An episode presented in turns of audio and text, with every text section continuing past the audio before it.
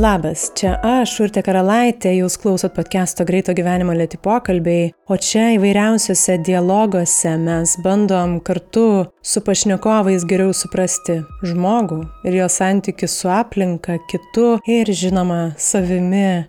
Dabar tas metų laikas, kai jaučiat, kad net laukia visai kitaip kvepia, ar ne? Pavasaris taip kas antrą dieną vis užsuka, tada visi saulėti miesto suoliukai būna nusėsti, jau gal reikėtų ir pradėti rezervuoti sėdėjimo laikus, kad nesusidarytų eilės.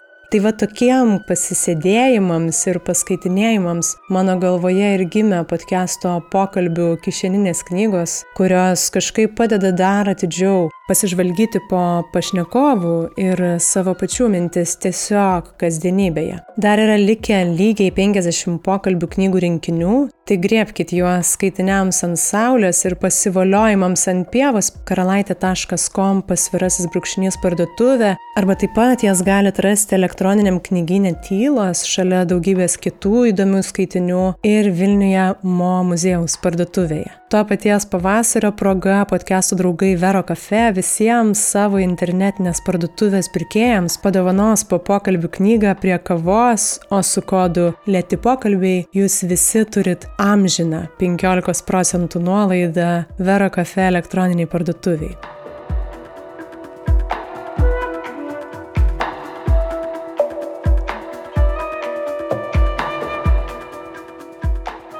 Jau tikriausiai girdėjot, kad podcast'e vykdau muzikos kuriejų palaikymo akciją. Vis gaunu iš jūsų žinučių, reakcijų į šituos muzikos kūrinius, kuriuos įtraukiu Tai džiaugiuosi iš tiesų, kad jums įdomu, man pačiai muzika yra labai svarbi gyvenimo dalis, dėl to jau kurį laiką dabar epizoduose pristatau po naują man įdomų Lietuvos muzikos kurieją. Taip galbūt supažindinsiu ir jūs dar neatrastais jums Lietuvos muzikos kuriejais, o to pačiu kartu su remėjais simboliškai prisidedam prie šiuo metu tikrai vis dar stipriai apriboto muzikos pasaulio kuriejų. Dabar girdite kompozitorės Monikazė kūrinį Fleitai ir elektronikai. Jame fleitos partiją atlieka Gedrius Gelgotas.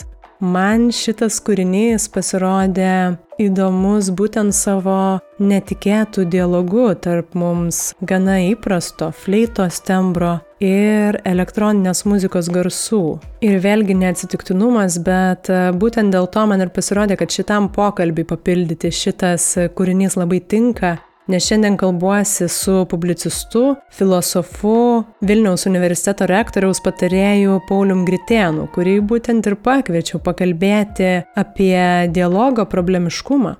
Pastaruoju metu galime pastebėti aplink kylančių daug keblių dialogų ir diskusijų ir joms kas kart užverdant pastebėjau, kad aš tarsi nebežinau, kaip juose norėčiau elgtis ar kaip galėčiau jas ateiti, kad būčiau naudinga ir autentiška ir kad pats dialogas taptų kažkuo nauju. Tai apie tokį probleminį susitikimą su kitu santyki su Paulium ir kalbamės. Bandom į dialogą pažiūrėti atsiremdami į įvairių filosofų mąstymą, mūsų kasdienės praktikas be abejo ir aplinkinius pavyzdžius visuomenėje. Ir klausiam, ar dialogas, kurio tikslas yra perkalbėti autentišką kitą, vis dar yra dialogas.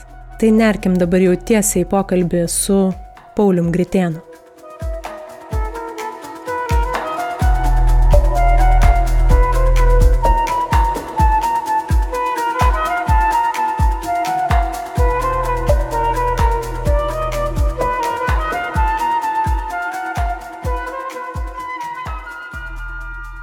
Per tą porą valandų laiko tarpą, kur sėdėjau ir bandžiau mentaliai pasiruošti kalbėjimui, pradėjau labai abejoti, ar aš esu tinkamas žmogus šitam pasikalbėjimui. Ne, nėra tinkamo žmogaus. Yra. Mintautas Gutauskas, jo vardas pavardėjais, yra parašęs knygą Dialogo erdvė. Tai aš dabar iš, iš Mintauto atimu, taip sakant, tą sritį, kuris kompetitingas yra, o aš net. Na, bet aš pabandysiu. Tai aš e, atimsiu šitą įtampą, nes aš tikiu, kad vat, galbūt e, Mintautas ar e, aš svarstydama, ką, ką norėčiau šitai temai pasikviesti, visiškai skirtingų sričių žmonių turėjau mintise ir galiausiai nusprendžiau, kad visus juos lygiai taip pat įdomu būtų pakalbinti, nes visi prieina ganėtinai skirtingai. Tai pirmiausia, man kažkaip išsiplėtė visas šitas kontekstas ir su tolerancijos žmogaus apdovanojimu, kurį tu visai neseniai gavai e, su Kiharos fondo, ar ne? Tai nuo tos tolerancijos aš tada ir noriu pradėti, nes galvojant apie dialogą neišvengiamai man užsikabino šitą temą to apdovanojimo proga tu ir feisbuke postą brūkštelėjai trumpas, bet taiklus. Ir tu ir ten pastebi, ir plačiau galvojant, kad tolerancija vienas iš tų žodžių tikrai pastaruoju metu plačiai, e, populiariai e, vartojamų ir nelabai susimastom. Aš pati susigrėbiau, kad vat, kaip aš dažnai pažiūriu į tą atidžiau, kas iš tiesų tai yra kasdieniai praktikoje viešoj laikysenoj, kad tai nėra tik tai žodis. Tai gal čia ir norėtum truputį išsiplėsti, kaip tu tą matai, kas ji yra arba turėtų būti kasdienybėje, apart to tokio oficialaus ganėtinai termino, kurį mes norim visur prisekti. Aš tikrai neturiu intencijos uzurpuoti tolerancijos terminą ir pasakyti, e, štai kas dabar jau yra tolerancija, ir kaip būti tolerantišku ir kokios turėtų būti ribos ar, ar kokie plėtros laukai. Nei jokie apdovanojimai, nei jokie autoritetai turbūt nesuteikia tokios galios pasakyti, kaip yra. Bet galima pasvarstyti, e, galima pabandyti padėlioti patirtis įvairias ir pažiūrėti, galbūt jos atitinka tai, ką, ką mes norim išreikšti, sakydami toleranciją.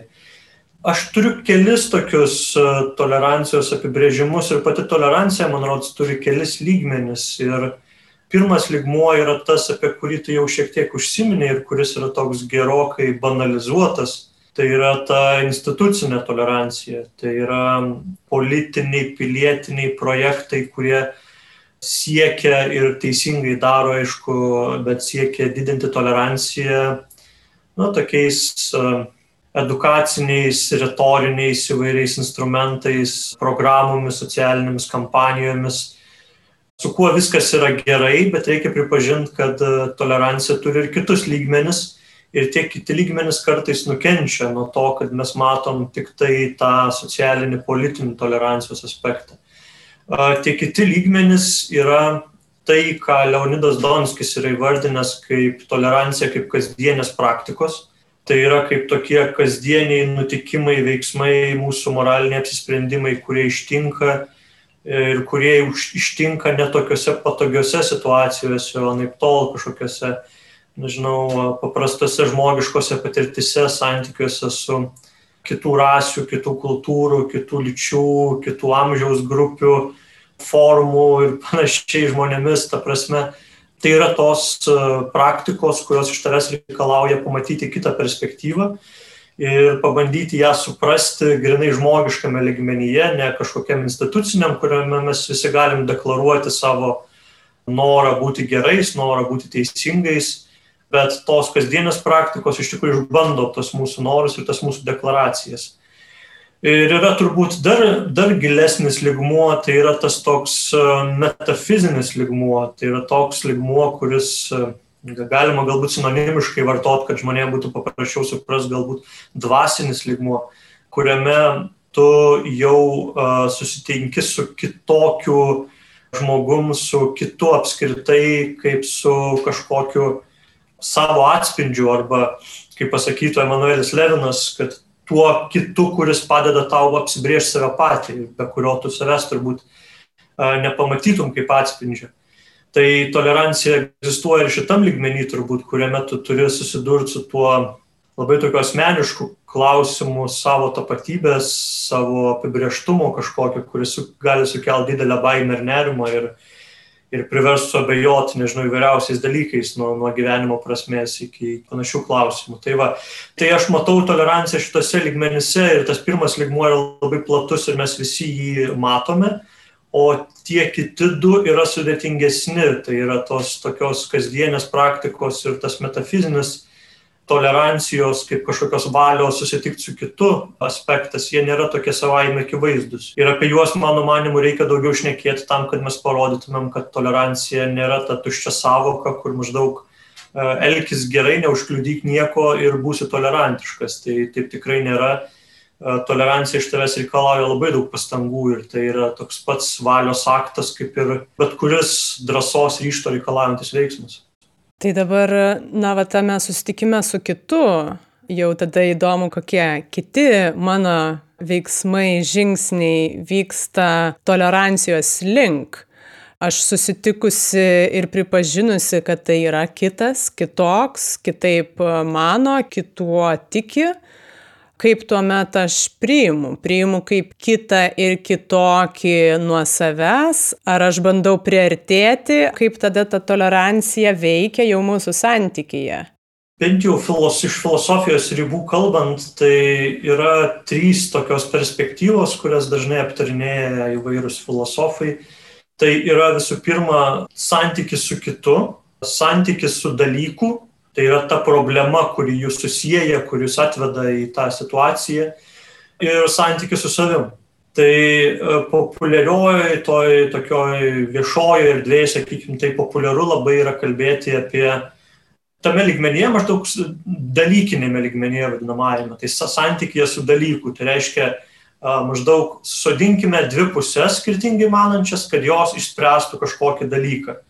Nežinau, susodinkim, tarkim, mano čia internete buvo toks pasiūlymas, susadinkim bažnyčios atstovus ir LGBT bendruomenės atstovus ir tegul jie kalbasi dėl kažkokio intereso.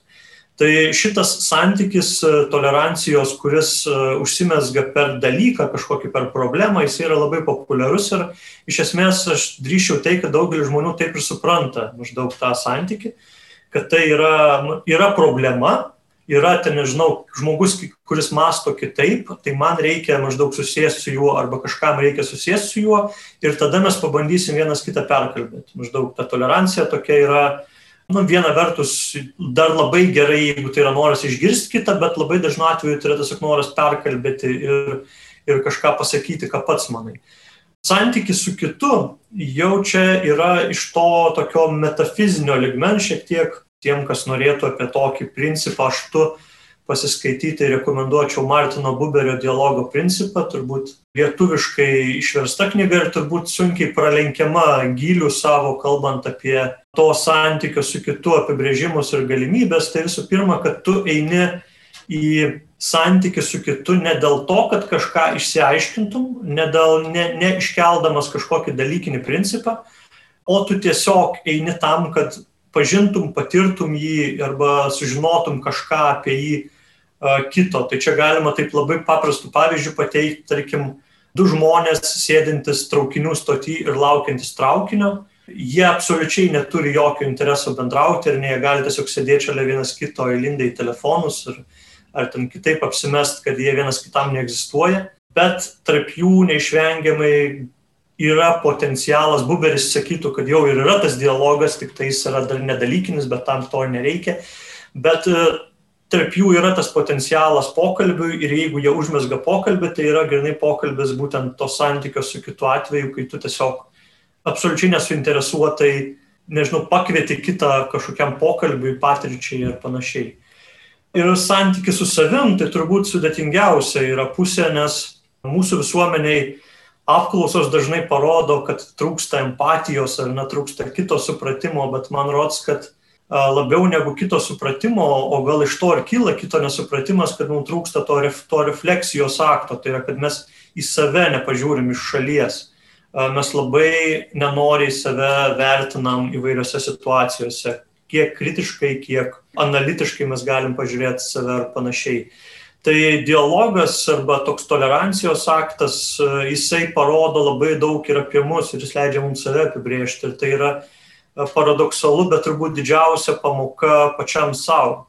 Nes man asmeniškai labai sunku šnekėti apie toleranciją, tarkim, kiek ji yra kito patirties taške akivaizdi, kiek jis supranta mane kaip tolerantiška, kiek įsivertina mano toleranciją, bet man labai lengva save analizuoti ir pasakyti, man rods, mano tolerancijos kažkokia valia nepa, ne, nebuvo įgyvendinta, nepavyko, arba atvirkščiai, man atrodo, kad aš pralaužiau kažką tai ir man atrodo, kad aš turiu kažkokią patirtį, kurią galiu susumuoti pas save mintise ir paversti ją savo kažkokią tai išvadą apie save. Tai, tai va, tai tie trys tokie lygmenys ir aš sakau, labai dažnas tas platusis lygmuo maždaug susėskim, susitarkim dėl dalykų, kurių netoleruojam arba kuriuos norim toleruoti, bet retesni žymiai aktai yra tie, kad aš tavęs nepažįstu, bet aš noriu užmėgsti kažkokį santykį ir sukurti tolerancijos lauką arba dar retesnis atvejis, kai mes savęs užklausėm, kiek aš vienoje ar kitoje situacijoje pasirodžiau savo kažkokios tolerancijos šviesoje, santykio su kitu šviesoje. Čia įdomu, paminė tuos du filosofus, aš irgi apgraibom spėjau ir Buberę, ir Levino truputį susipažinti, ką jie kalba, apie tai tikrai ne, neperskaičiau tos knygos, bet apie dialogą kalbant, kaip suprantu, būtent Buberis ir, ir stato tą pamatinį santyki ir laikyseną dialogui kito atžvilgių išlaikant jo savasti, tą autentiškumą, kad tu esi kitas Ir ta absoliuti distancija tarp aš ir tu išlieka, ko mes dažnai turbūt atėję į diskusiją turim kažkokį tai norą, na, kad ir toj minėtoj e, bažnyčios ir LGBT bendruomenės diskusijoje abi pusės tarsi, kaip ir minėjai, ateina ar, ar tai su tikslu perkalbėti, ar su savo tikslu, su mano kažkokiu tai uh, suformuluotu tikslu nugalėti, ar kaip ten be, beivardinsi, bet e, ne kitą pamatyti, ne mūsų distanciją, ne kitą suprasti, bet e, tarsi užimti, perimti, nežinau kaip tą įvardinti. Taip, ta prasme, čia, čia turbūt esminis esminė savybė tokia, kurią mes dažnai pamirštam, kad dialogas neturi turėti savo tikslo, ta prasme, jis neprivalo turėti savo tikslo, savo programos, savo baigties, jis neprivalo paversti tų dviejų grupių tą pačiais objektais. Ta prasme, niekas neturėtų tikėtis, kad štai staiga dvi skirtingai mąstančios pusės susikabins už rankų ir šoks tam vieningame ratelyje. Taip tikrai nėra, netgi beje, pats dialogas kaip žodis yra kažkodėl neteisingai suprastas, tai yra dažnai manoma, kad tas graikiškas priešdėlis die reiškia dviejų, maždaug du žodžiai, du, dviejų pokalbis, ar ne, dialogas pats kaip toks die yra šiaip graikiškai labai sunkiai išverčiamas į lietuvių kalbą žodelis, kuris reiškia per. Tai iš esmės yra vartojamas populiariam, tarkim, išreiškime diaspora, kuris reiškia toks išsiblaškimas, ar ne kažkoks dalelių išsiblaškimas tikrąją tą prasme, jeigu bandytumėm kažkaip semantiškai versti iš, iš senos graikų kalbos dialogas, tai gautumėm uh, maždaug žodžiai, kurie juda. Uh, aš net leiščiau savo taip spekuliatyviai interpretuoti ir savo versiją pateikti žodžiai, kurie išjudina, perkeliu tą veiksmą jau veiksmo krypti į, į žodžius. Tai, va, tai man atrodo, kad čia ir yra tas esminis nesupratimo taškas, kad yra manoma, kad dialogas yra kažkokia forma, maždaug kadangi du žmonės susėdo ir jie kalbasi, tai jie turi būtinai, nežinau, kažkuo pasidalinti, tapatus ar kažkuo panašėti ir kad tik tada tas dialogo procesas lyg ir išteisinamas. Man atrodo, kad kaip tik dialogas yra tas santykis, kuriame tu gali net ir nerast bendro kažkokio supratimo taško, tu net nebūtinai turi priverst, nežinau, savo tą dialogo partnerį ar, ar, ar dialogo grupę pakeisti savo matymą pasaulio. Esminis dalykas yra būtent ta patirtis, kurią tu nukreipi į save. Tai yra, kad iš dialogo mokaisi tu pats, o ne kažkas kitas. Ir čia yra tas nesuinteresuotumas vidinis. Tai yra tai, kad tu nesieki pakeisti pasaulio, tu nesieki būtinai pakeisti tikrovės, tu visų pirma užmesgi dialogą dėl tokio savo pamatinio metafizinio intereso. Tai yra, aš noriu atrasti santyki su kažkuo kitu. Aš noriu savo mintis, kurios šiaip yra tokios intencionalios, aš noriu jas nukreipti į išorę ir noriu pasitikrinti, kaip aš atrodau tos išorės akivaizdoje, to kito akivaizdoje.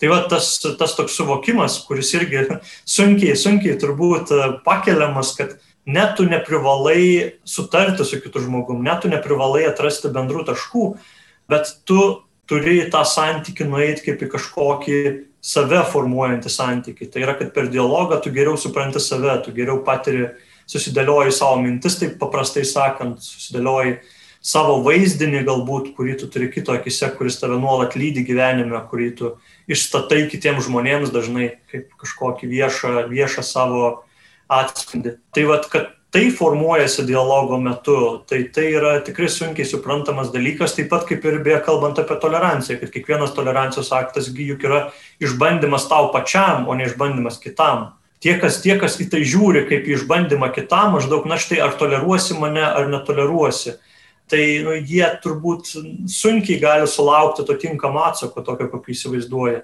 Dažniausiai visi tolerancijos aktai yra tiesiog savęs paties išbandymas ir užklausimas, ar tu tokioj situacijoje elgtumės taip pat, ar tu turi pakankamai valios tai daryti, ar tu turi pakankamai, nežinau, ryšto užsispyrimo tai daryti, ar tolerancija tave pati kaip nors pakeičia tas tolerancijos aktas, ar tu tiesiog nuolat eini ir reikalauji jos ir jeigu negauni, tai, tai tolerancija tavęs ir nepaveikia kažkaip.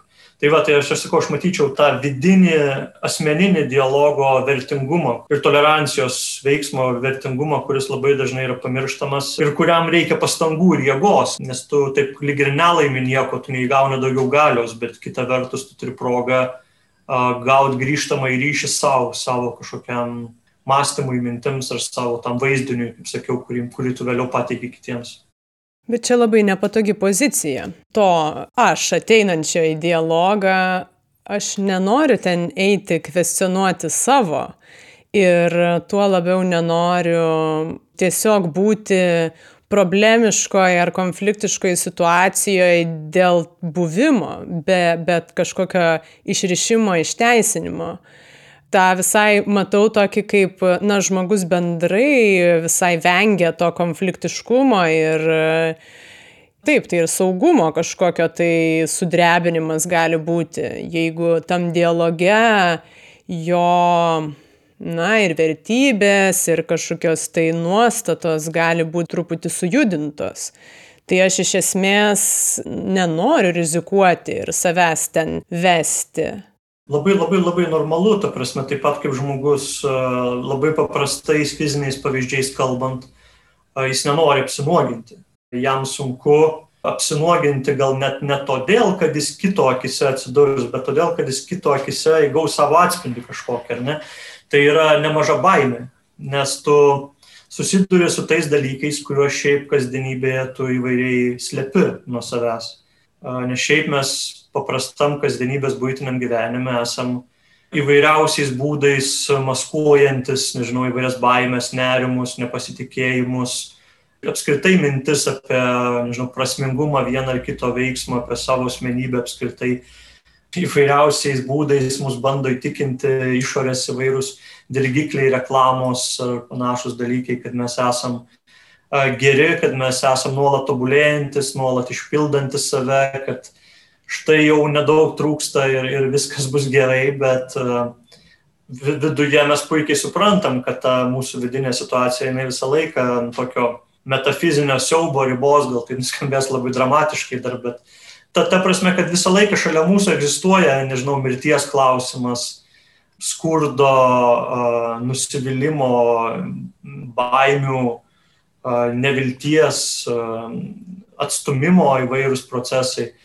Tai panašiai turbūt yra ir su tuo, su tuo dialogo principu ir ėjimu susitikti su kitu, su kitaip mąstančiu, kad didžioji baime kyla iš to, kad tu save pamatai jo akise. Bent jau aš taip vėlgi dabar sugrįždamas į žemę galiu pasakyti, kad man irgi einant, tarkim, kalbėtis politiniam, socialiniam temam su žmonėmis, kurie, aš žinau, kad kitaip masto, mano didžioji baime vidinė yra ne tai, kad jie pasirodys protingesni už mane ar panašiai, ar aš nesugebėsiu išdėstyti savo minčių, mano turbūt didžioji vidinė baime, kaip aš atrodysiu jų akivaizdoje, ar, ne? ar aš ar aš pajėgsiu pilnai, nežinau, parodyti save, realizuoti save ir panašiai. Tai, tai man atrodo, kad ir su tuo dialogo tolerancijos principu didžioji baime tvyro ne kažkur išorėje, didžioji baime tvyro tavyje ir tu su ta baime vienai par kitaip turi susidurti ir turi apmastyti ją, kad save išlaisvintum. Čia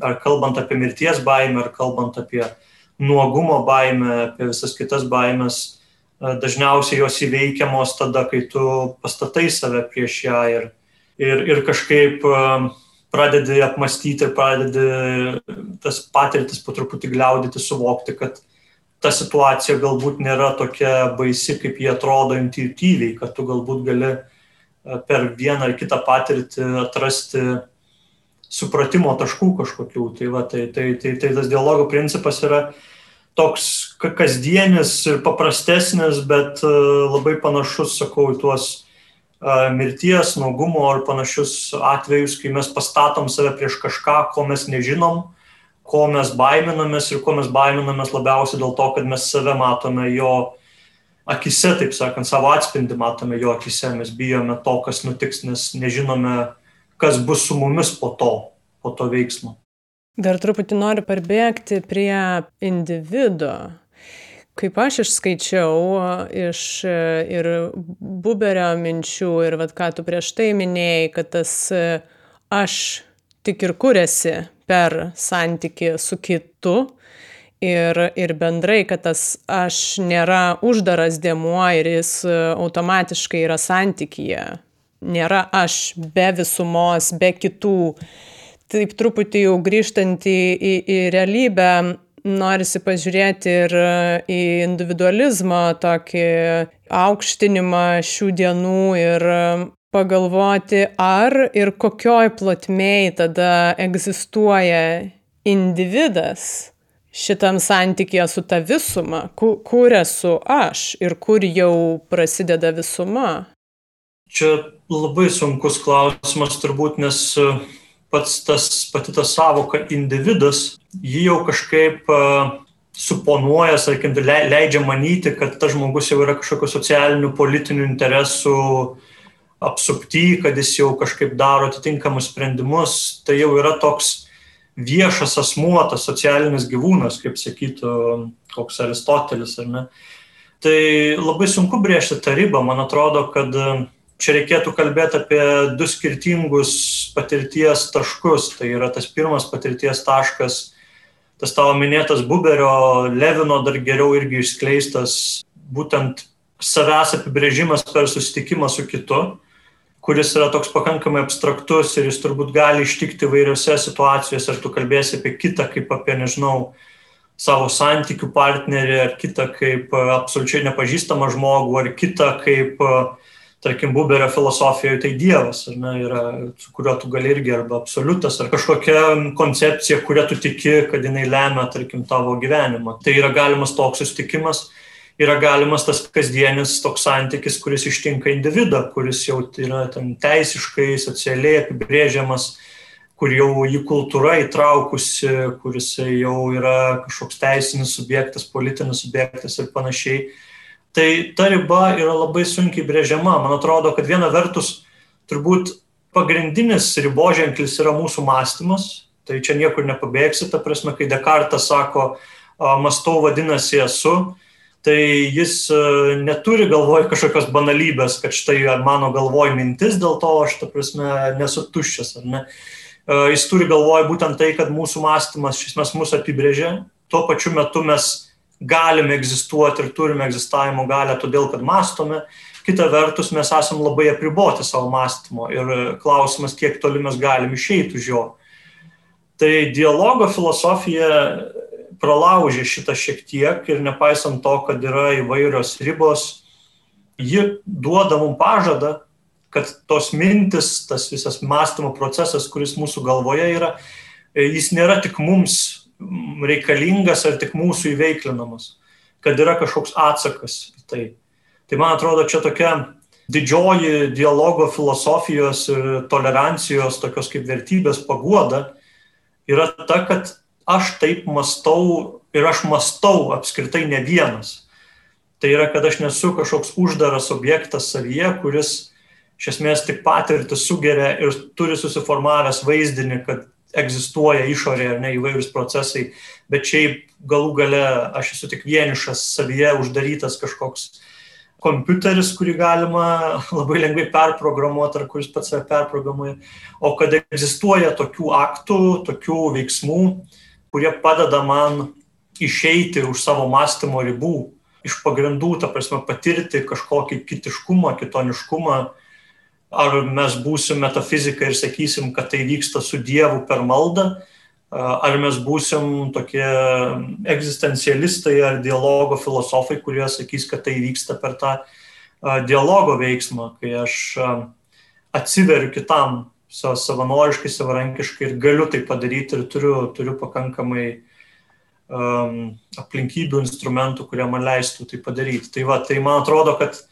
galbūt ne, neduosiu geros to aš ribos, bet galiu tiesiog konstatuoti, kad to aš ribos yra peržengiamos, kad ir kaip mes jie žiūrėtumėm ir kad yra įmanoma bent jau pamastyti apie kitokią patirtį, negu mes turbūt esame įpratę, mąstydami tiesiog taip vienaplaniškai iš savo perspektyvos. Čia aš teisingai suprantu, kad tai, kad aš e, suplakiau tą filosofinę aš apibriežti su individu yra esminė klaida, ar ne? Kad tai yra skirtingų žodynų. Tikriausiai taip. Ta prasme, individas jisai gali irgi egzistuoti, mes galim vadinti jį uh, tuo filosofiniu aš. Tik turbūt problema, kad individas pagal savo apibrėžimą jau suponuoja, kad tada egzistuoja ir masė kažkokia, ar tarkim kažkas, iš ko mes ištraukiam individą tas aš ir tu santykis, jis yra absoliučiai autentiškas. Tai reiškia, kad bent jau galim prezumuoti, kad nieks kitas aplinkui nėra svarbu. Ta prasme, tam mūsų aš tu aktui, tam, kas vyksta dialogė, išorinės aplinkybės neturi didelių, didelių skirtumų. Kalbant apie individą, taip visgi individas, mano galva ir turbūt taip, kaip primta vartoti filosofijos istorijoje, jis yra labiau įvairių įtakų, įvairių aplinkybių formuojamas. Vienetas kažkoks socialinis, politinis, kartais gali būti egzistencinis, bet bet kokiu atveju jau numatomas jam kontekstas tam tikras. Dialogas, kokią duoda prabangą, tai reiškia, kad tau nereikia galvoti apie nieką kitą, išskyrus tą objektą, į kurį tu kreipiesi. Tai paprastai sakant, dialogas yra tam tikra atkarpa arba kaip, nežinau, dviejose stikliniuose induose per juos paleidžiama elektros srovė, ar ne, ir ta srovė susisiekia ir pradeda tekėti per tos indus. Tai va, dialogas veikia tokiu principu. Individas labiau veikia panašių principų, kaip, nežinau, žiedadulkės tam tikroje, ne gal ir uždaroje erdvėje, bet tos žiedadulkės judėdamos Brauno judėjimu, tuo jos vis tiek kažkaip atsimuša viena į kitą, juda ir, ir ta prasme neišvengia to santykio. Tai, va, tai, tai dialogas yra kryptingas santykis, o, o, o individas visgi turi labai nekryptingą ir įvairių rušių santykį su išorė. Tada dar taip nenuosekliai truputį grįšiu prie dialogo kaip diskusijos, ką mes anksčiau užčiapėm ir tas tam tikras skirtingas stovyklas priešiškai nusiteikusias. Tai va ant to pagrindo, ką mes čia apkalbėjom, ant to santykio su kitu, ant to autentiškumo, ant uh, tikslo ateiti į dialogą, neįrodyti savo kažkokių tai tiesų, o pasižiūrėti į save, ar galima pagalvoti, kad šiandieninis toks individualizuotas prieimas prie diskusijos iš esmės yra iškreiptas be abejo, čia taip ganėtinai bendrai.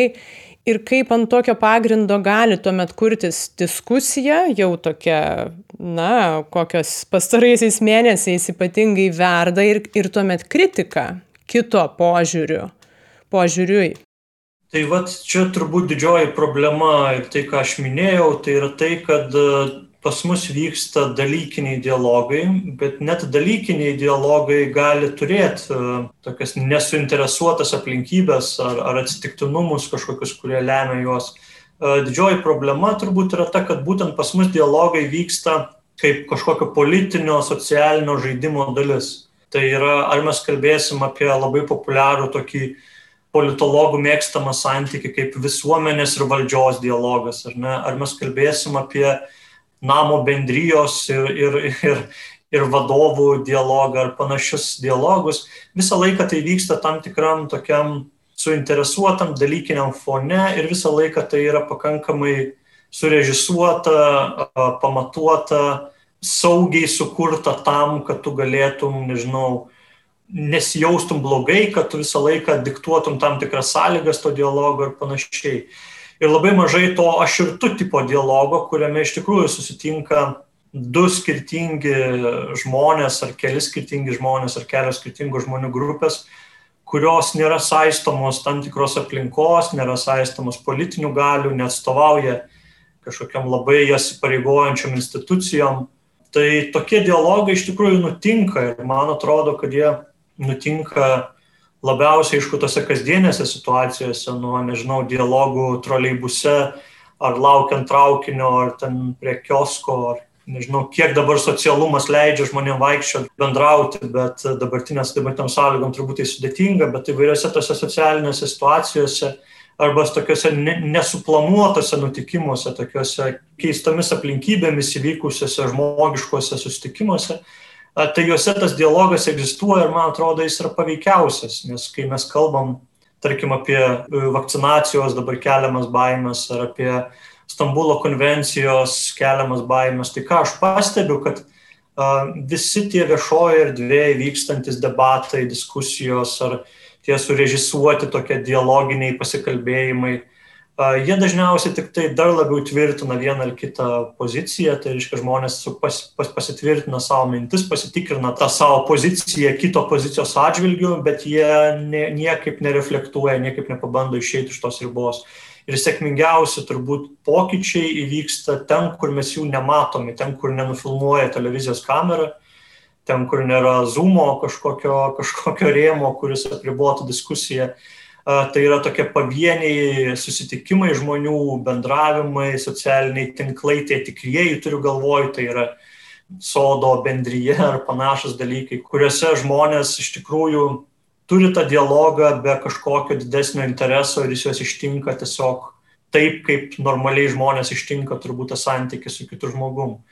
Tai tas, ta, ta tokia masė surežisuoto, sukonstruoto, diktuojamo darbo atvarkės turinčio dialogo ir tas toks netgi filosofijoje terminas dialogocentrizmas įsigalėjęs mūsų, mūsų visuomeniai, tai yra, kad iš principo yra e, reikalaujama, tarkim, kitos pusės dialogo arba dialogo, dialogo yra kūriamos aplinkybės, e, tai tai tik tai tolina mus nuo to sustarimo taško ir man atrodo, kad e, reikėtų, jeigu jau dėti pastangą reikėtų, tai reikėtų dėti pastangą, kad nusimesti tos pančius ir pabandyti uh, išeiti į pokalbius kaip įmanoma labiau nes, nesuinteresuotam aplinkybėm ir kaip įmanoma mažiau galvojant apie tam tikrus galio žaidimus ar kažkokią savo statusą kito akise. Tai tokių situacijų reta, jų būna, bet, bet turbūt reikėtų jas labiau plėtoti ir labiau puoselėti, nes jos pakankamai apleistos yra ir tokios atrodo kartais nenatūralios, ypač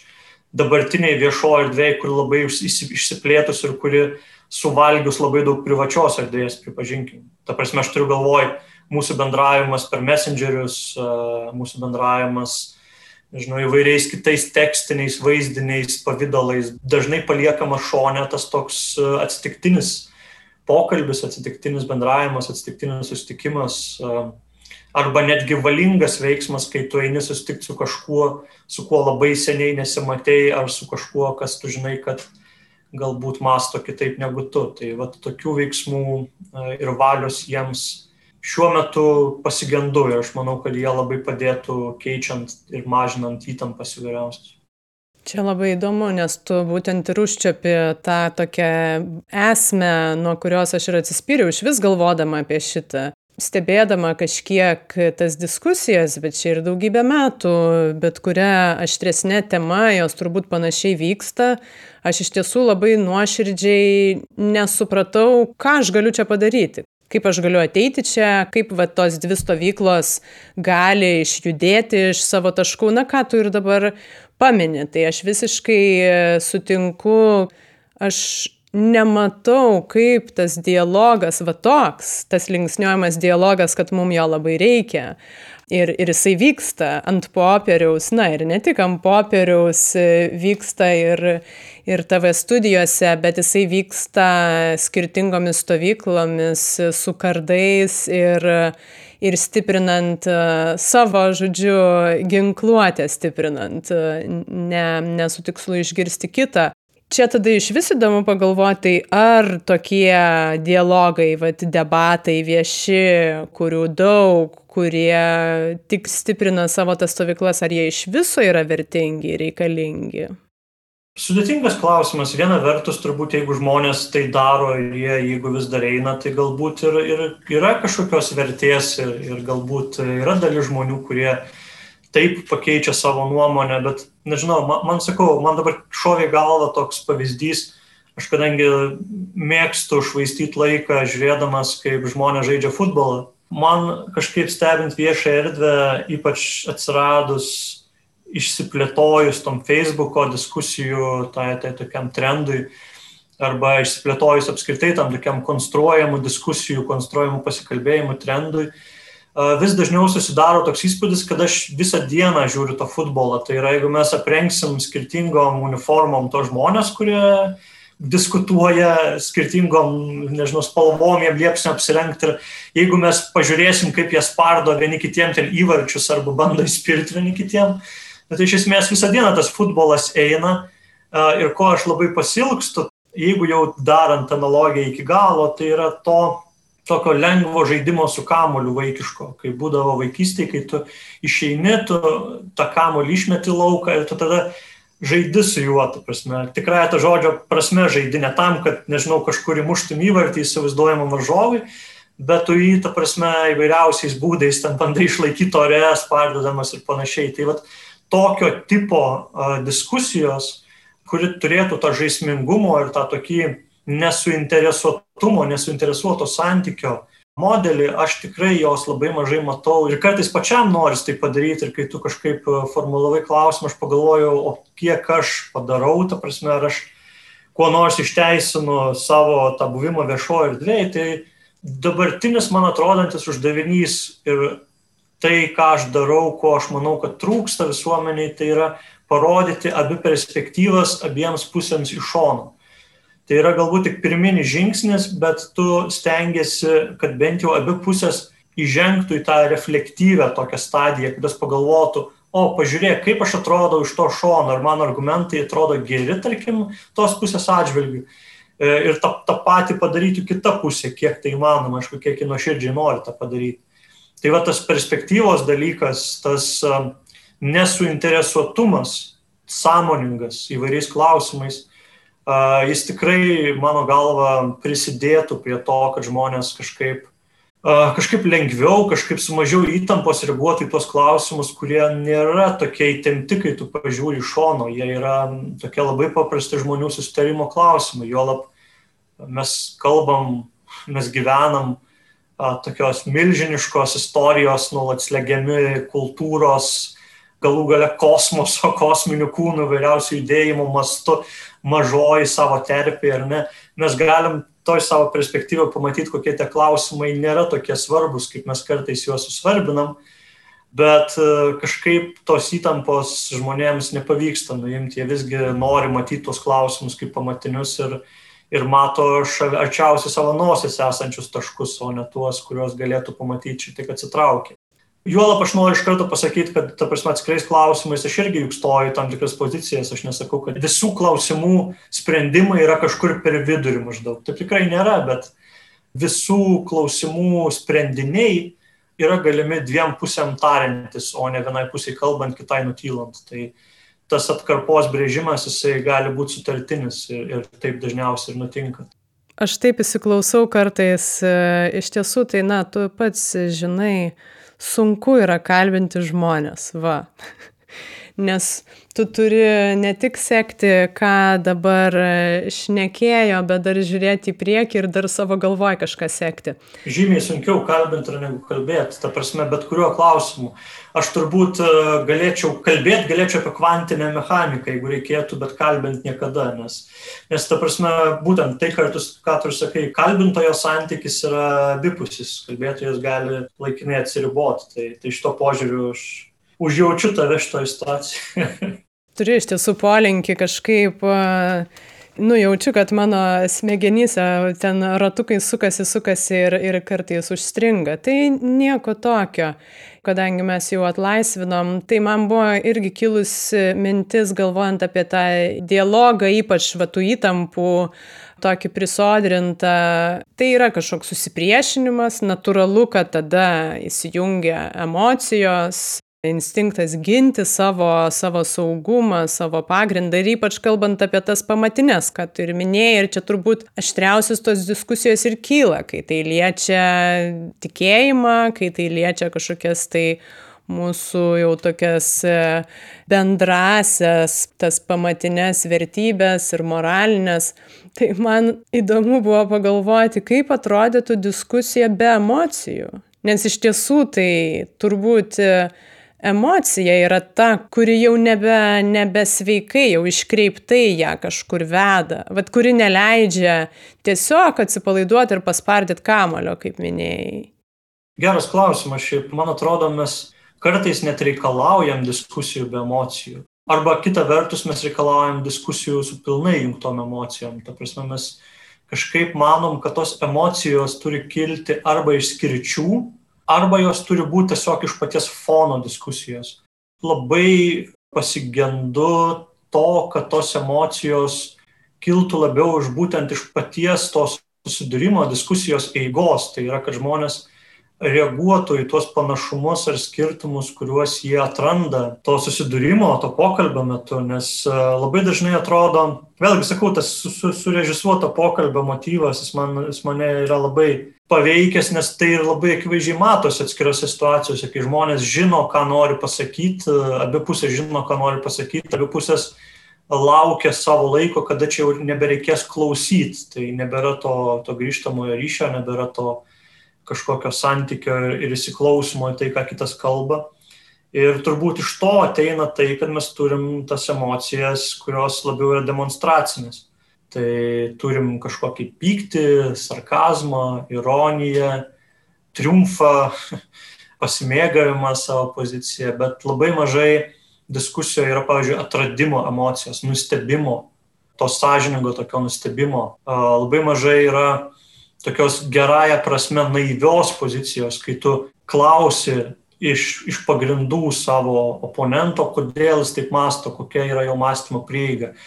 Kalbant apie konkrečius pavyzdžius, tie žmonės, kurie mano, kad jų tikėjimas ar jų moralė ar šeimos įsivaizdavimas yra kažkaip greunamas ar jam trukdoma, tai paklausti jų, koks yra jūsų šeimos įsivaizdavimas, ir klausti turbūt iki galo, atvedant prie to, ką jie supranta kaip šeima, nes turbūt pirminis atsakymas būtų tas paprasčiausias, kas dažniausiai ir vaizduojama, tai yra, tai nežinau, tėvas, motina, du vaikai, ar ne?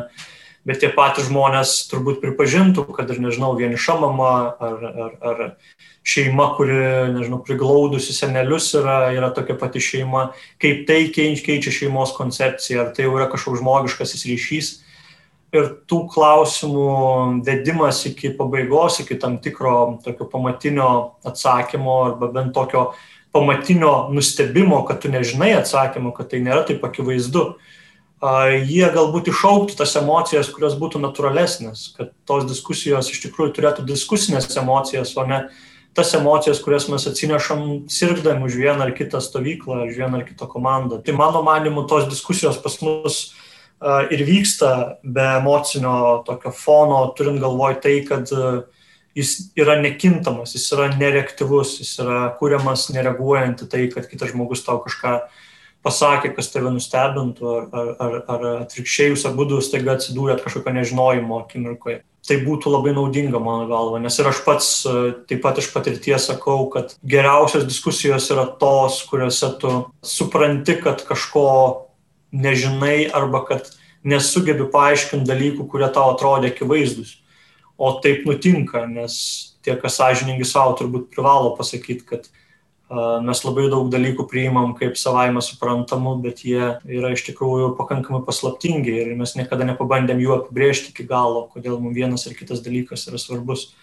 Ir kai tu pabandai, supranti, kad už to slypi labai nemažai tokio nutilėto nežinojimo.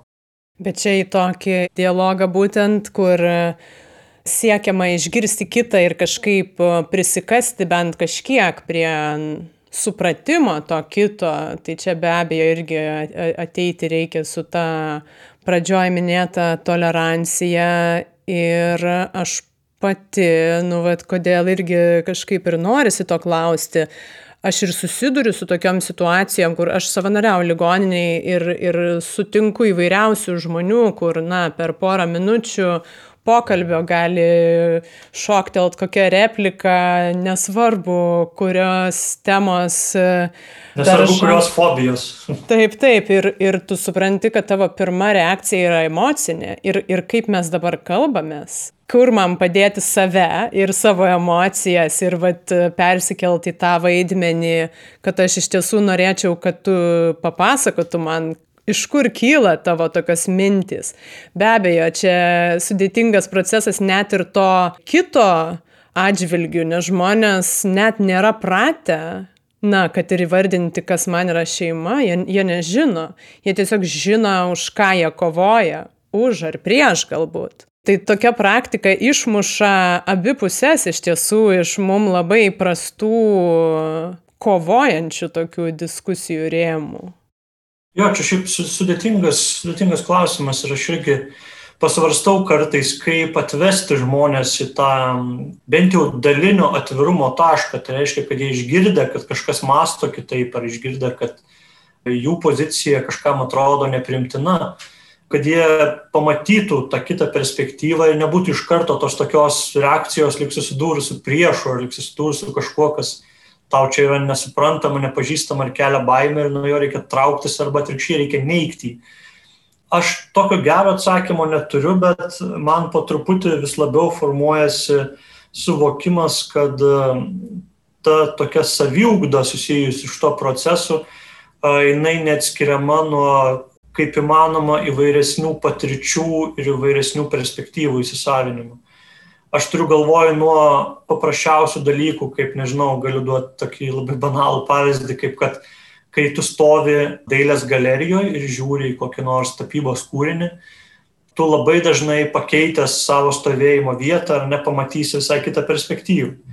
Gal toks banalus pavyzdys, bet žmonėm turbūt jisai galbūt priverstų susimastyti apie tai, kad tam tikri dalykai, kuri, kuriais jie užima tam tikrą poziciją gyvenime. Anglai turi gerą išreiškimą tą, kuris maždaug taip formuluojamas, kur tu stovi, ar ne, kurio, kurioje pusėje tu stovi, kalbėdami apie pažiūras, kokia tavo stovėsena vieno ar kito atžvilgių. Tai va, tai toks banalus pavyzdys su dailės galerija ir su meno kūriniu, bet apskritai tai tie pavyzdžiai, kad kuo daugiau žmogus turi patirčių visų kitų tapatybių arba visų kitų kultūrų, kuo jis turi didesnę galimybę susidurti su, su ta kita perspektyva, nuo, nežinau, išvažiavimo į užsienį, kelionių, iki muzikos, literatūros, iki bendravimo su žmonėmis, iki įvairiausių asmeninių patirčių. Aš jau nekal, ne, ne, net nekalbėsiu, ta prasme, psichologiniai įvairūs dalykai, iki, nežinau, savo paties apmąstymo, lytinės tapatybės ar,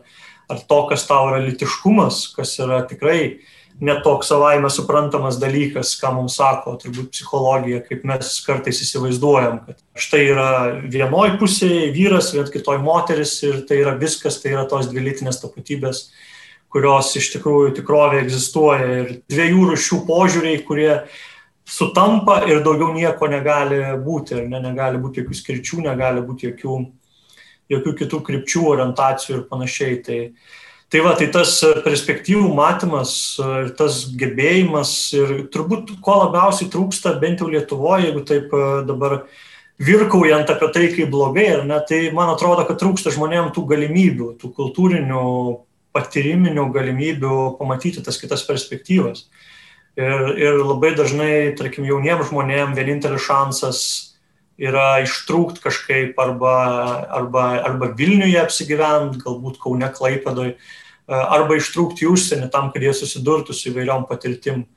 Ir tos patirtis iš tikrųjų daro poveikį, akivaizdu, kad ta dalis visuomenės, kuri, tarkim, yra labiau tolerantiška, labiau atvira įvairiam dalykam, kažkaip koreliuoja su tuo, kad ta dalis visuomenės yra mačiusi pasaulio, daugiau skaitanti, daugiau laiko skirianti savęs kažkaip ūkdymui, tobulinimui, e, o ta dalis, kuri yra pikta nusivylusi, jinai iš tikrųjų yra saistoma labai sunkių ekonominių, socialinių pančių, geografinių pančių, kai tu gyveni maža miestelį ar kaime ir negali savo prabangos leisti, nežinau, kiekvieną dieną ten e, kaupti tas visokias patirtis ir, ir, ir skirti laiko saviugdai ir panašiai. Tai šitos skirtis iš tikrųjų akivaizdžios yra man atrodo, kad jeigu jau norim eiti kažkokiu tokiu minkštuoju pokyčių keliu ir, ir didinti tą tolerancijos lauką, tai reiktų pradėti nuo patirčių lauko didinimo ir nuo to, kad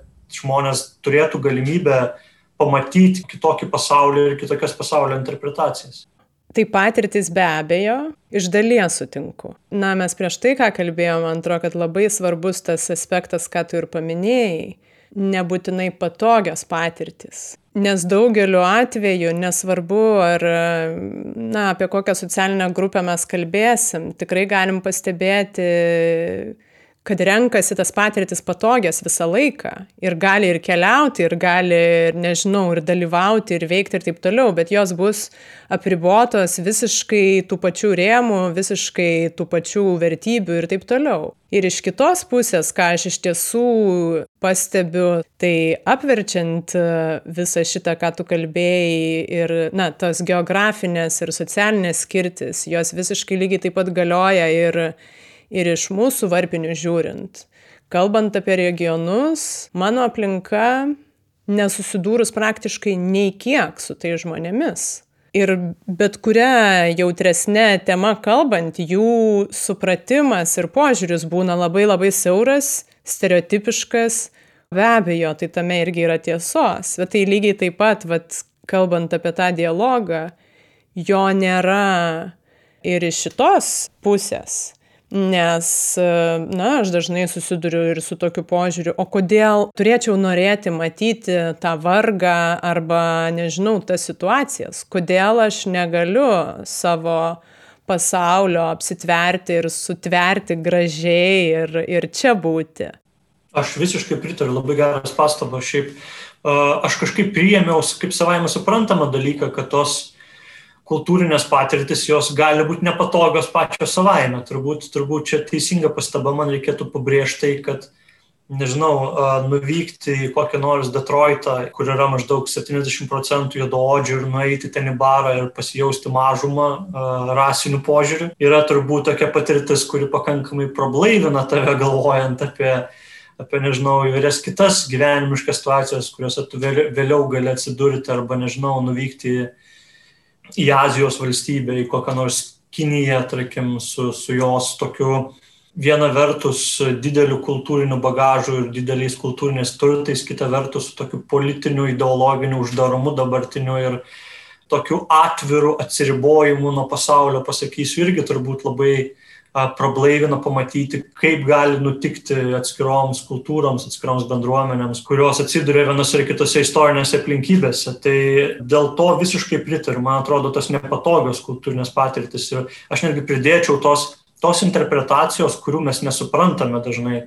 Aš esu kažkada rašęs apie tai, kad žymiai svarbiau, kad žmonės eitų ir išsėdėtų tuose spektakliuose, kurių jie nesupranta, arba klausytų muzikos, kurios jie galbūt struktūrinė, harmoninė prasme nesupranta, kas čia yra malonaus, kas čia yra muzikalaus, bet jie pabando suvokti, kodėl viena ar kita yra prasminga, racionaliai sudėliota, arba kodėl viena ar kita kelia jam tam tikrą emociją. Tai tai iš tikrųjų yra labai svarbu, tai aš pritariu.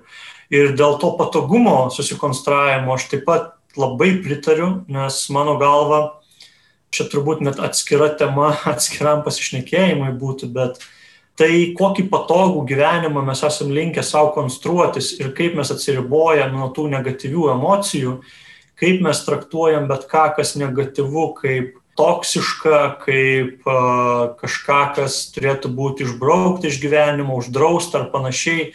Uh, tai man kelia tokių rimtų abejonių, ar mes iš tikrųjų norim tos tokios sveikos psichinės aplinkos ir to tiesioginio sąžiningo kalbėjimo apie dalykus, kokį mes dažnai deklaruojam. Nes esminis dalykas turbūt e, visom, visom e, būklėm ir visom aplinkybėm yra gauti visas įmanomas patirtis ir visų įmanomų reiškinių atspindžius būtent tai, ką tu minėjai, kaip mes susikonstruojam tos patogius pasaulėlius savo su brančiais, avokadais ir taustais ir panašiais, ir, ir benedikto kiaušiniais, ir, ir kaip mes e, nenorim susimastyti apie, nežinau, įvairias galimas socialinės, ekonominės aplinkas, apie, apie tas aplinkas, kuriuose gimsta smurtas, prieš kurį mes kovojam, kaip prieš abstraktų dalyką bet kuris yra labai realus ir, ir kuris iš tikrųjų laužantis tokius, net sakyčiau, ne tik tikrąją prasme kaulus ir sanarius, bet ir egzistencinė prasme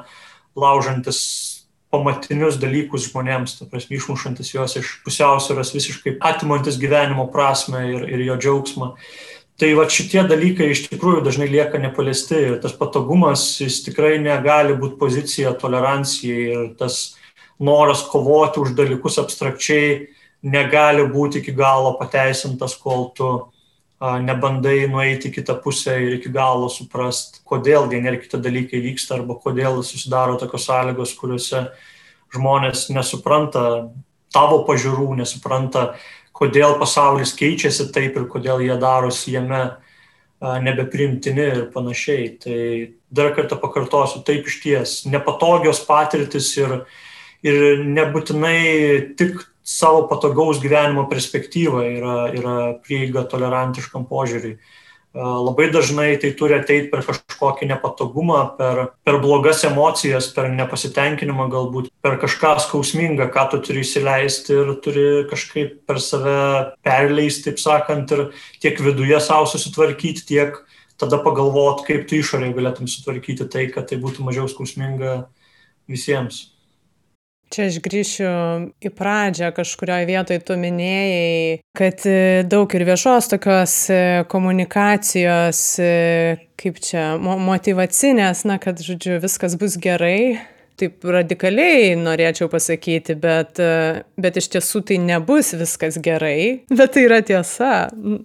Nuo to, ką tu dabar kalbėjai, aš atsispiriu ir, ir noriu tiesiog užtvirtinti, kad toks gražaus gyvenimo tos iliuzijos e, toks puoselėjimas ir bandymas kurti tą tobulybę, atmetant bet ką, kas yra nemalonu ir negražu ir aš nenoriu savo negražiai gyvenančių kaimynų matyti ir nenoriu, na, neskaniai valgyti gerai, tai jeigu tu nenori, čia yra mažiausia problema tą, tą išspręsti, bet kai tu kiekvienam, kiekvienam žingsnė renkiesi tik tai teigiamą tai tam tikra prasme yra priešinimasis e, tikroviai.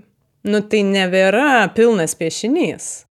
Taip, absoliučiai. Tai net, net ir e, piešinio prasme sakant, tai taip, iš tikrųjų visada, visada yra perspektyva, kuri bus atskleis kažkokį prastesnį vaizdą ir tu net kai neturi nuo jos bėgti. Aš čia taip jokaudamas sureaguosiu į viskas bus blogai, e, bet optimistinė naujiena, kad truks labai neilgai. Tai uh, Tai, tai iš tos pusės uh, galima taip pajokauti, bet, bet jo, apskritai, apskritai žiūrint, tikrai yra tas pažadas, kad patogus gyvenimas yra labai lengvai susikūriamas ir kad jis bus tikrai. Ir tarkim, kalbant apie tą patį karantino laikotarpį, man labai daug tokio, tokios ironijos keletas sugrįžimo motyvas, kai žmonės galvoja, kad kažkokiu būdu mes vis tiek sugrįšim, visa tai baigsis ir prasidės ta diena po 2020 kovo 14, ar ne kita jau. Vėl bus tas momentas, kai viskas bus be pasaulyje, be viruso ir panašiai. Tai tikrai taip nėra. Tas susitaikymo su dabartimi, susitaikymo su pilna, pilna, pilna jos apimtimi, su visom problemom, kurios egzistuoja, su savo aplinka ir su savo paties problemom, kurios egzistuoja, kas yra turbūt sunkiausias veiksmas, nes Dar, dar išoriai, dar pamatyti tuos blogai gyvenančius kaimynus tu gali, bet pažvelgti save ir vardinti savo problemas savo labai taip tiesiogiai. Tai čia apskritai yra tas didvyriškas aktas, kaip, kaip minėjau, reikalaujantis to tokio pasiryžimo tvirto, pasižiūrėti tą atspindį ir įvertinti jį. Šito tikrai galima vieni kitiems pasilinkėti, prasme, pamatyti tą pilną perspektyvą ir dažnai kalbant apie dalykus arba ginant vieną ar kitą koncepciją, kalbėti ne tik abstrakčiai ir ne tik e, pasakyti, kad štai čia viena ar kita idėja turi būti teisinta, ar vienas ar kitas dalykas turi būti apibrieštas, ar, ar, ar kažkas turi būti labiau plėtojama, turi būti daugiau tolerancijos visuomenė ir panašiai. Kartais reikia sugrįžti ir nuolat save patikrinti tose situacijose, kuriuose iš tikrųjų tos problemos yra aštrios ir kuriuose jos e, dažnai gimsta ir kaupėsi ir, ir pratrūksta tada, kol mes kalbam apie kažkokius uh, pakankamai abstrakčius dalykus.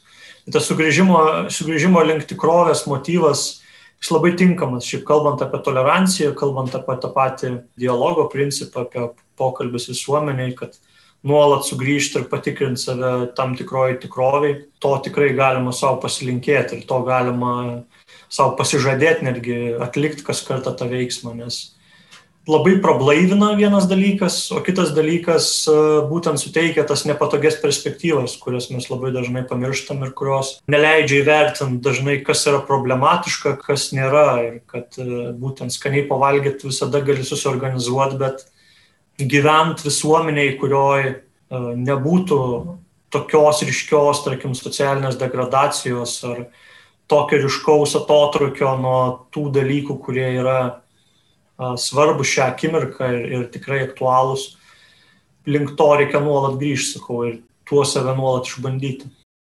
Aš čia dar tik tai patikslinsiu, kad tikrai nenorėjau pasakyti, kad viskas bus blogai, turėjau omenyje viskas nebus tik gerai, tai čia šitą, šitą ir norisi užtvirtinti, kad tą, tą realybę kažkaip, aš tai labai myliu realybę. Jis yra nuostabi šiandien, jinai bus galbūt geresnė rytoj. Ir vienintelė, kurią turim. Na, aš tai tikrai Net, turiu. Bent susikūrėm kitą. Taip, taip, čia negaliu už kitus kalbėti, nes tų realybių tikrai yra, bet aš irgi neturiu kitos. Tai kažkaip e, norisi tą realybę irgi ir, ir, ir palinkėti ir plačiau, na, ją priimti tokią ką mes jau galim padaryti, vat, kad jinai būtų uh, rytoj kažkiek kitokia ir kreiptųsi, tai tą turbūt svarbu permastyti, bet neigdami ją iš principo mes negalim nei kiek jos pajudinti pirmin. Arba konstruodami taip, kaip mums patinka. Čia irgi labai svarbus aspektas yra. Uh, dažnai ir tie diskusiniai skirtumai vyksta todėl, kad mes stebime kažkokį procesą, kur dviejose realybės konstrukcijose susėda žmonės. Vieni, vieni sako, štai mes esam uh, kažkoks tautos balsas, kuris sėdi tautos konstrukte ir kalbam dabar uh, jums reikšdami tautos valią. Kitoj pusėje irgi yra kokie konstruktai, kur maždaug uh, mes ginamės, mes užsidarom tam tikrom sienom, mes bandom įsitvirtinti ir, ir, ir, ir kažkaip apsibriežti save. Tai taip reikėtų tas realybės gerokai paderinti ir, ir uždėti vieną kitos, mano manimu. Aišku, tam, kaip mes ir kalbėjom, čia banalu, bet tam reikalingas tas valios aktas, kad tu, kad tu norėtum tai daryti. Tai, tai vėlgi, užburtas ratas, kai kas pasakytų, bet mano manimu jisai palengva kaip toks apskritimas, kurį tu brėži iš to paties taško, jis galiausiai vis tiek atras tą liniją, kurioje įvyks susikirtimas. Tai man rodos, kad e, mes negyvenam tokių nesusikertančių linijų pasaulyje ir tikrai įmanoma visoms grupėms artėti viena prie kitos ir galiausiai tam tikram taške susikirsti. Bent jau visokie pavyzdžiai istoriniai rodo, kad, kad e, taip įvyksta ir žmonės žinau, skirtingų rasių, tautybių, kultūrų, skirtingų patirčių, jie e, vieno ar kito erdvėje atranda tą pačius taškus kažkokius ar tą pačias erdvės, kuriuose gali susikalbėti. Ir šitie procesai yra labai įdomus. Na, bent jau man tai yra įdomu ir aš noriu iš dalies ir, ir per tą prizmę žiūrėti į tai, o ne, o ne per asmeninio kažkokio tos vėl varpinės gynimo aš negaliu tikrai pasakyti, kad aš esu pavyzdys e, vat, to puikaus dalyvio dialoge, kai aš sutinku tą kitą su kita pozicija. Tai yra be galo sunku, bet tai yra įdomu bandyti ir bandyti ir bandyti. Aš pritariu visiškai. Aš taip pat nesu joks geras dalyvis. Ta prasme, aš šiaip vis dar esu, nepaisant viso savęs tramdymo, žmogus, kuris mėgsta sarkazmą, kuris mėgsta kritiška, kritiškas replikas, kuris greitai supyksta situacijoje, kurioje kažkas nevyksta taip, kaip jis nori, ar jo nesupranta žmonės taip greitai, kaip jis norėtų. Tai, tai čia yra tas nuolatinis ugdymosi procesas, man atrodo, sugrįžtant prie tos Leonido pasiūlytos apibriešties, kad tolerancija kaip kasdienės praktikos Tai aš tiesą sakant, kartais matau toleranciją kaip tokią mankštą savotišką, kur tu kiekvieną dieną maždaug pasikloji tą jogos kilimėlį savo tolerancijos, nu ir bandai vis, ta prasme, kažkaip tikrini save skirtingose situacijose, skirtingose sprendimuose, mm, bandai plėtot tą tolerancijos savo kažkokią sampratą, bandai didinti savo tos tolerancijos raumenis, kad tu kad tu net susidūręs su nepykanta, susidūręs su kažkokiu atmetimu, galėtum sureaguoti konstruktyviai ir galbūt tą žmogų patraukti savo pusę. Kaip ir minėjau, čia ta, ta praktika yra grinai skirta būtent be jokio suinteresuotumo, be jokio idealistinio tą noro, kad visi gyvens tvarkingai, teisingai. Jis skirta labiau paties savęs išbandymui ir paties savęs ūkdymui, tobulėjimui, galų gale intelektualiniam kažkam procesui, nes tas tolerancijos veiksmas bent jau mano galvais prisideda prie to, kad žmogus taptų intelektualesnis ta plačiaja prasme, kad jis ne tik turėtų žinių, bet ir turėtų kontekstus ir gebėtų suvokti kitų žmonių patirtis, jausmus, kas yra labai svarbu, turėtų tą taip vadinamą emocinio intelekto dalį savo intelekte. Tai man tolerancijos kaip kasdienių praktikų momentas atrodo tikrai pakankamai svarbus. Ir žmonės galėtų irgi imtis šitos užduoties ir taip pat, kaip nežinau, gerina savo fizinę sveikatą, gerina savo psichinę sveikatą, pabandyti ir tą filosofinę prasme šiek tiek tolerancijos savo raumenis pamankštinti, pasakysiu taip banaliai. Tai puiku, tai mes turim dvi užduotis tuomet klausytojams šitą, tai tolerancijos mankštos kasdieną ir tikrai paspardyti kamolį be vartų. Taip, dėl paties žaidimo grožio, dėl Taip. paties kamolio sklendimo ir dėl to, kad tu sukuri kažkokį keistą trajektoriją ore ar tiesiog jauti džiaugsmą darydamas tai, ką darai. Ir atrandi kažkokius tai naujus pasaulėlius toj, toj mūsų įvairioj realybei aš gal sakyčiau, net atrandi save tuose naujose pasaulėliuose, nes turbūt svarbiausias čia aktas visgi yra pasikartokime ne kažką kitą atradinėti ar nesužinoti kažkas didžiausias pasaulio tiesas, o geriau suprasti save ir geriau jausti save tose situacijose, kurios ištinka ir kuriuose mus ištinka kažkoks kitoniškumas, nesupratimas, ne tai, kas savaime suprantama ir ne tai, kas mūsų kontroliuojama. Puikiai, Pauliau, mes labai e, koncentruotai ir labai daug aptarė, manau. Tai ačiū tikrai labai, va štai ir paneigsiu, kad buvo labai įdomus pokalbis, aš manau, kad e, buvai puikus pašnekovas, e, nepaisant susikuklinimo pradžioje. Ačiū, aš seniai norėjau su tavim ir su tavo auditorija pasikalbėti, atskleisiu dabar jau tai nes galvojau, kad jeigu iš pat pradžių pradėsiu saldžią liežuviauti, tai, žinai, paskui pokalbio metu tu man būsi labai ten e, geranoriška ir mažiau mane spausi. Bet e, jo, buvo tikrai smagu ir džiaugiuosi, man labai patinka tiek pati koncepcija, tiek tas sąžiningas lietumas ir iš to kylantis didesnis prasmingumas, e, su kuriuo tu darai šitos dalykus. Tai ačiū tau ir ačiū, kad kalbini žmonės ir ačiū, kad pakalbinai mane. Smagu girdėti. Manau, kad per daug nespaudžiau šiandien. Tikiuosi, tikiuosi. Ne, tiesiog labiau, labiau taip gerąją prasme spaudėjai pagalvoti iš naujų perspektyvų dalykus. Tai, žinai. Ta prasme, ties... pasistengt, paspaudai labiau, tai čia yra, man kaip tokiam truputį tingiam žmogui, tai, tai labai nauda yra.